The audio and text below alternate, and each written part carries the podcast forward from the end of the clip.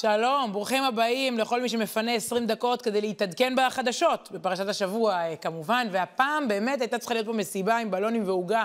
מסיימים את ספר ויקרא.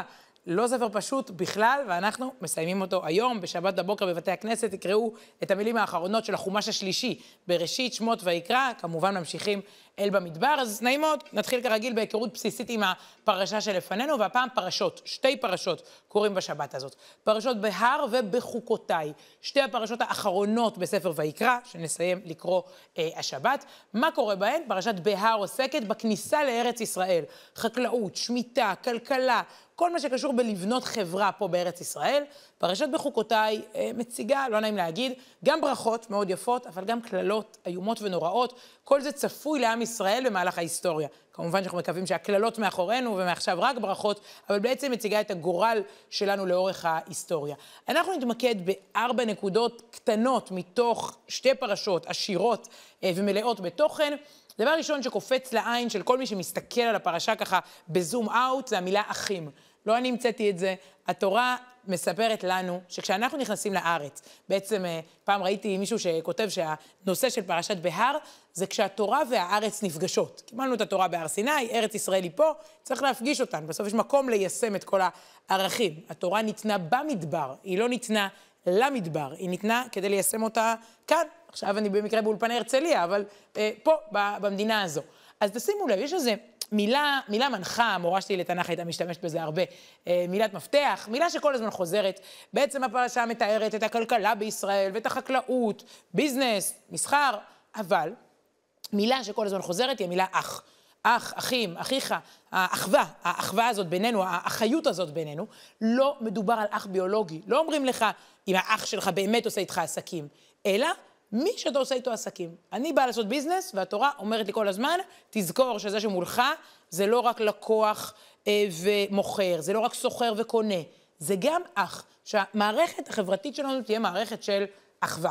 בואו נראה כמה דוגמאות, ויש עוד הרבה, מי שרוצה שיחפש בפרשה את כל האזכורים, לא, לא ספרתי, אבל הנה דוגמה. וכי תמכרו ממכר לעמיתך, או קנו מיד עמיתך, אל תונו איש את אחיו. כלומר, אתה עושה מסחר, אל תרמה אחד את השני, את האח שלך. או למשל, מה קורה אם בן אדם יורד מנכסיו, מפסיד, וכי ימוך, כלומר, הוא יהיה פתאום עני, אחיך, ומכר מאחוזתו, ובא גואלו הקרוב אליו, וגאל את ממכר אחיו. כלומר, כל העיסוק בזה שיש לו אדמה, נדל"ן, הוא מוכר, הוא קונה, משכירים לו, עוזרים לו, הוא אח שלך. ומה קורה אם הוא ממש ממש יורד למה אה, שנקרא מתחת לקו העוני, וכי ימוך אחיך ומטה ידו אה, עמך, ממש ככה פושט יד, והחזקת בו, גר ותושב, וחי עמך. אל תיקח מאיתו נשך ותרבית, את כל הנושא של הריבית, ויראת מאלוקיך, ו... למה? וכי אחיך עמך. כשאתה בא למישהו ושם עליו ריבית אה, אה, גבוהה ואסורה, הוא אח שלך, והוא נמכר לך, לא תעבוד בו עבודת עבד, שהוא לא יהיה עבד שלך, אלא כשכיר הוא יהיה איתך, עד שנת היובל הוא יעבוד איתך. יש פה המון מנגנונים כלכליים, לא, לא ניכנס אליהם, של אה, יובל ושל שכיר ושל גר, אבל שוב ושוב, התורה ככה מנגנת לנו את זה. אחיך, אחיך, אחיו, אחיכם, מילת מפתח שכולה אחווה. זו הגדרה מאוד מעניינת לעם היהודי. מהו?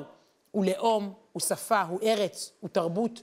אומר הרב, הפרופסור יונתן זקס, הוא משפחה. משפחה מורחבת. אלה צריכים להיות היחסים. כמו שבתוך המשפחה הגרעינית, ככה בתוך המשפחה הגדולה.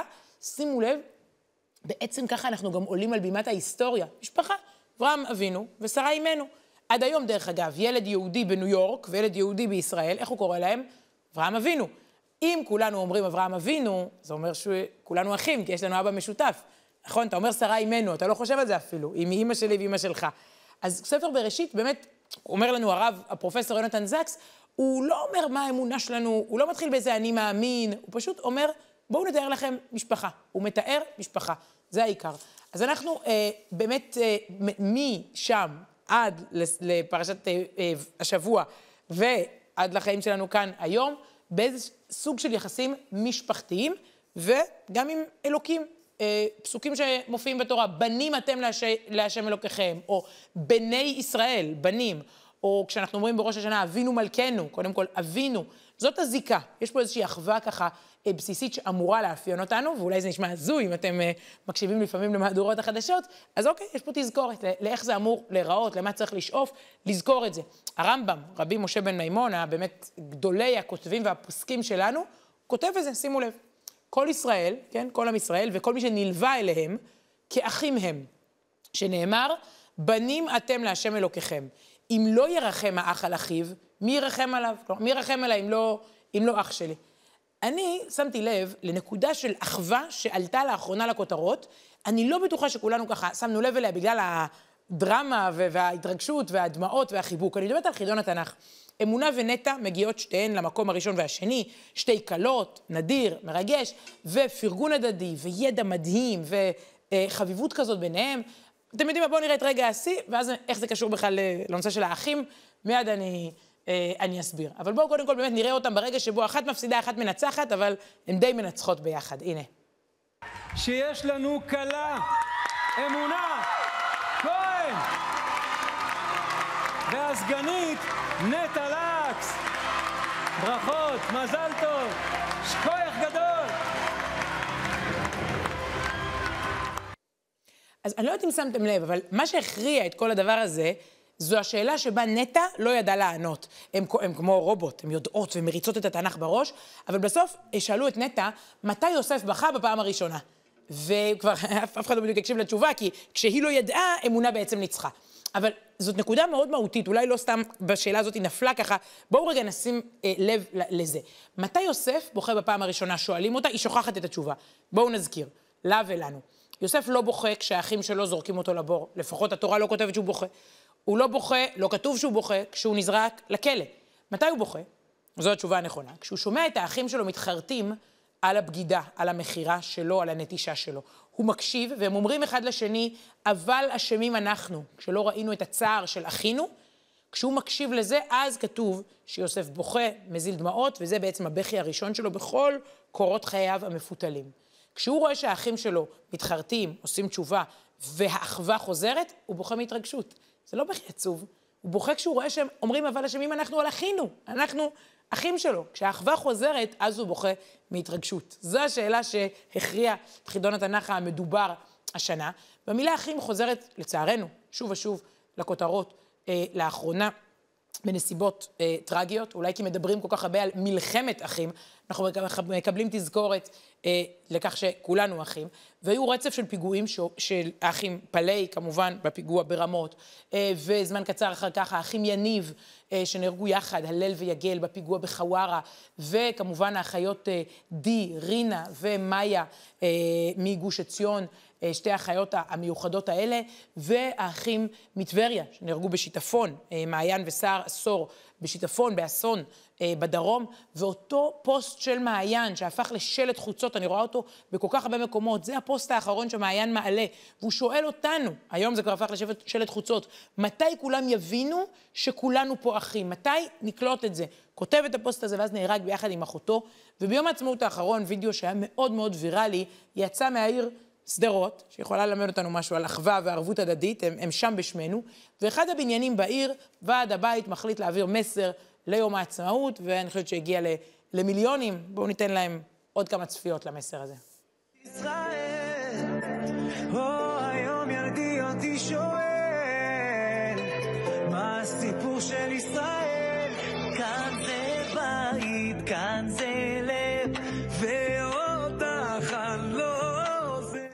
אז אנחנו אחים, נראה לי שאני חפרתי פה מספיק, והפרשה, הפרשה לא חופרת, הפרשה אומרת, מספיק, הבנו, יש מילת מפתח כזו, אבל מה עוד? כשאתה מגיע לארץ, עם מה עוד אתה צריך להתמודד, חוץ מלייצר סולידריות וערבות הדדית ואחווה? יש לך אתגר מאוד גדול שקוראים לו חברת השפע. זה הנושא השני שעולה בעוצמה מתוך הפרשה. בואו נבין שנייה.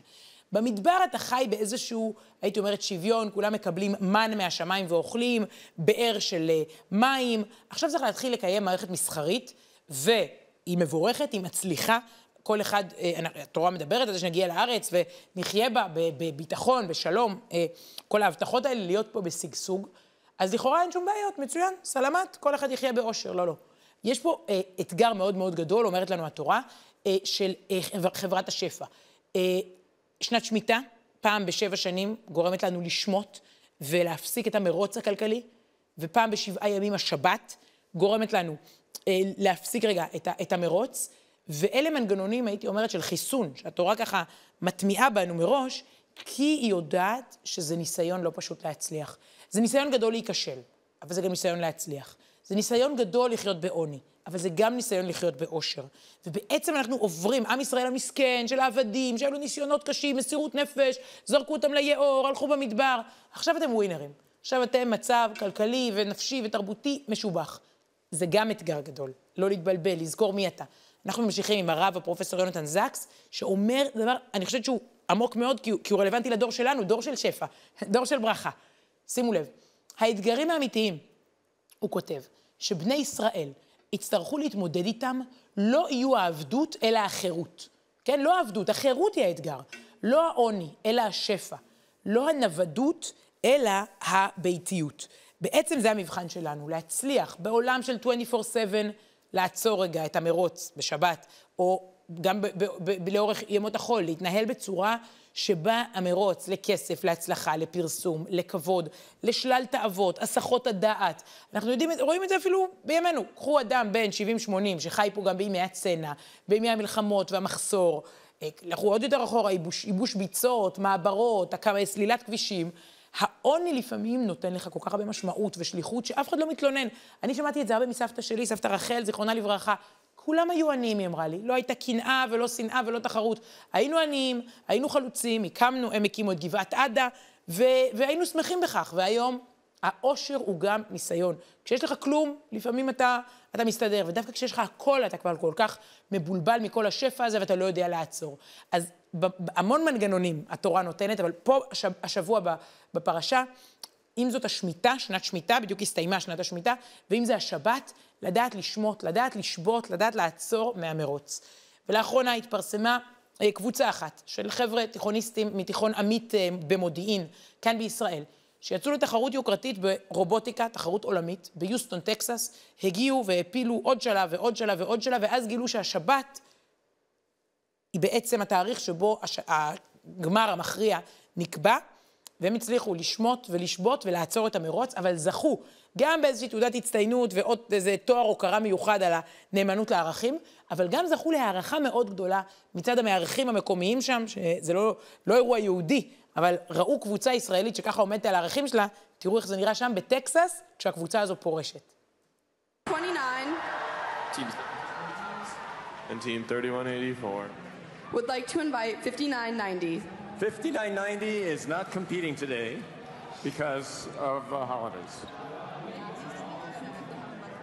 Okay, thank you very much. Okay, oh, interesting. So, 5990 was selected. There's a letter from 5990. Trigon 5990 is a proud and dedicated group of young individuals from Israel who have worked tirelessly to participate in the first robotics competition.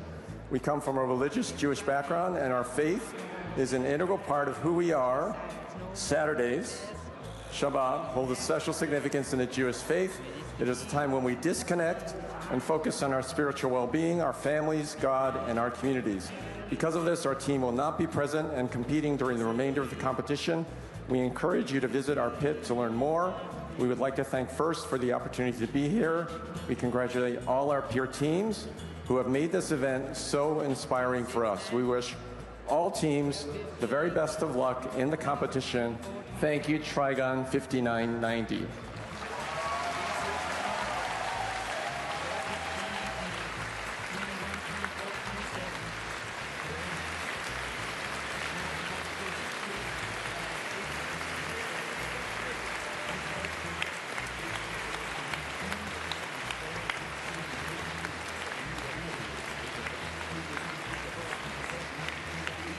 Thank you, Trigon, for giving us a very important reminder about the importance of things outside of robotics. Are you ready for your? Wow. לא נגמרו שם מחיאות הכפיים, אז גם בעידן של חברת השפע ושל המרוץ, לזכור מי אתה, מה הערכים שלך, לדעת לעצור. אנחנו ממשיכים לעוד נקודה, ושוב, הפרשות הן ארוכות ומפורטות, אבל נדמה לי שזה משהו שכדאי בחברה שלנו ככה לשים אותו על סדר היום, זיהוי מוקדם. זה ביטוי שלי, לא של הפרשה. בלשון הפרשה קוראים לזה והחזקת בו. ואני אסביר. הרבה מאוד פעמים אנחנו מגלים בעיות כשהן כבר אה, כמעט בלתי ניתנות לפתרון, או שקשה מאוד לפתור אותן. הפרשה קוראת לנו לשים לב לשלבים המוקדמים. שימו לב לפסוקים, וכי ימוך אחיך, זוכרים את אחיך? הנה הוא שוב. אה, ומתי ידו עמך, והחזקת בו וחי עמך. רש"י, פרשן העל של התורה, מסביר. אל תניחהו, את האח הזה שלך, אתה רואה שהוא מתחיל להידרדר, אל תניחהו שירד ויפול ויהיה קשה להקימו. אלא חזקהו משעת מוטת היד. אתה רואה מישהו מתחיל להידרדר כלכלית, או בעוד היבטים, אל תחכה שהוא יקרוס, שבום, שכבר הוא ייפול, ואז לך תרים אותו. והוא נותן גם משל, רש"י. הוא אומר, למה זה דומה? כמו למסע על החמור. אם זה עדיין על החמור, יש לי חבילה מלאת חפצים שהחמור סוחב. עדיין על החמור, אחד תופס בו ומעמידו. דמיינו חמור שקצת ככה, החבילה, באים, קצת קושרים את זה, יאללה, ממשיכים. נפל לארץ, אם כל החבילה הזאת נפלה, חמישה אין מעמידים אותו. לך תרים, לך תאסוף, זה שבור, זה... מאיפה נרים? זה משל, לא רק על חמורים ועל חבילות, על הנפש שלנו, על הגוף, על הזוגיות, כל מיני סוגים של סדקים, משברים, התמכרויות. צריך ערנות, כל כך הרבה פעמים בחינוך ילדים, במערכות יחסים.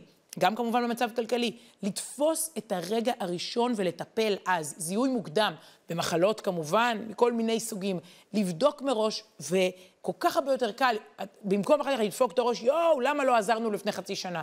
ועכשיו הוא פושט רגל, עכשיו זה כבר נושים, עכשיו זה חובות. שוב, הפרשה מדברת על העניין הכלכלי, ואנחנו נגיד שבהמון היבטים בחיים, זה, זה לא אנחנו, פרשנים לאורך השנים של הפרשה, ואיך הזקת בו, תשים לב, תהיה בכלל ערני למצוקות. משהו מתחיל להתנדנד שם על החמור המטאפורי, תפוס אותו, תקשור את החבילה, תעזור לו, שלא נגיע אחר כך למצב שבו גם חמישה וחמישים לא יוכלו לעזור, ואז נעשה לו גיוס המונים, ואז נפנה לעורכי דין. תמיד אה, לנסות למצוא את הסדקים, לטפל בהם זיהוי מוקדם. אנחנו נסיים עם משהו שמאוד מאפיין את פרשת בחוקותיי. עד עכשיו דיברנו על פרשת בהר. פרשה השנייה שקוראים בשבת, זו קריאה ארוכה בבוקר בבתי הכנסת, פרשת בחוקותיי, האחרונה בספר ויקרא. הרבה ברכות וגם הרבה קללות. ברשותכם, נביא את הברכות, אבל את הגרסה המלאה אפשר למצוא אה, בחומשים הקרובים אה, אליכם.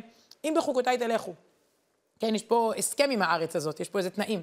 ואת מצוותיי תשמרו, אם תלכו בדרך הנכונה במקום הזה, תקבלו נתתי גשמכם בעיתם, ונתנה הארץ יבולה, ועץ השדה ייתן פריו. פה מתחיל רצף של ברכות מופלאות. והשיג לכם דיש את בציר, ובציר ישיג את זר, זה, זה בעצם אומר שהבורסה, כן, זה לא רק חקלאות. הבורסה בשיא, והנפקות, והייטק, ופריון, ו... ואכלתם לחמכם לשובע, וישבתכם לבטח בארצכם. ונתתי שלום בארץ, ושכבתם ואין מחרית, והשבתתי חיה רעה מן הארץ, וחרב לא תעבור בארצכם, ורדפתם את אויביכם, אין מלחמות, יש שלום, יש ביטחון, יש הצלחה כלכלית, מטפסים לפסגות, מרתיעים את האויבים שלנו, תראו מה זה. ורדפו מכם חמישה מאה, ומאה מכם רבבה ירדופו, ונפלו אויביכם לפניכם לחרב. אנחנו מרתיעים, יש הרתעה ישראלית, לא צריך בכלל לצאת למלחמות, מפחדים מאיתנו, ועוד ועוד הבטחות. אה, חלק מהן כבר מתקיימות. אנחנו מחכים לקיום המלא של כל הברכות היפות בפרשה. והנה סרטון וידאו קטן שמראה את הברכה הזאת. זה מתאר בעצם, הפרשה איך העם חוזר לארץ אה, מהגלות, מתאסף בה בחזרה, בונה אותה בחזרה. אז הצלם, עזרי טובי, ביום העצמאות האחרון, מגיש לנו טעימות מהברכה הזו בכל רחבי ישראל. הנה.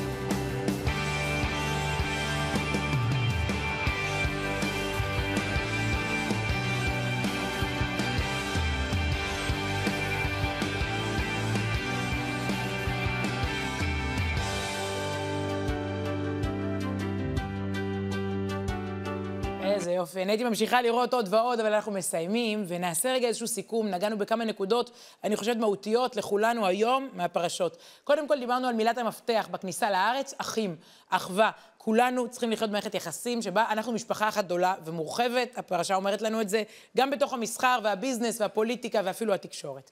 שתיים, האתגר שלנו הוא אתגר חברת השפע. אם פעם, בימי אנו באנו, אתגר הצנע והעוני היה אתגר, היום האתגר הוא לשמור על הערכים. בתקופת העושר יש לך בכיס כסף לקנות דברים, בכיס השני 800 אלף ערוצים ותכנים. איך אתה לא מתבלבל ואיך אתה זוכר מי אתה, זוכר את הסיפור הגדול של כולנו. שלוש, וזה טיפ, אני חושבת שכל אחד יכול לקחת אותו בחיים לאן שמתאים לו, זיהוי מוקדם של בעיות, ברמה הכלכלית, הנפשית, הזוגית, אצל נוער, לפני שהוא הופך לנוער בסיכון, לזהות לזהות מוקדם, לפתור את הסדקים אה, כשעוד אפשר לטפל בהם בקלות. והנקודה הרביעית, טעמנו קצת מן הברכות היפות, ראינו את חלקן אה, מתגשמות, אה, את הטקסט המלא, אנחנו מקווים שהקללות שמתוארות שם כבר מאחורינו בכל שנות הגלות, ומעכשיו רק הברכות יתקיימו, אבל את הטקסט המלא אפשר למצוא בפרשות שלנו, בהר בחוקותיי, ובכך סיימנו את המסע שלנו פה. עשר פרשות של ספר ויקרא, וכמו שנהוג לומר, כשמסיימים לקרוא חומש, חזק חזק ונתחזק. פרשת במדבר מחכה לנו בשבוע הבא. להתראות, שבת שלום.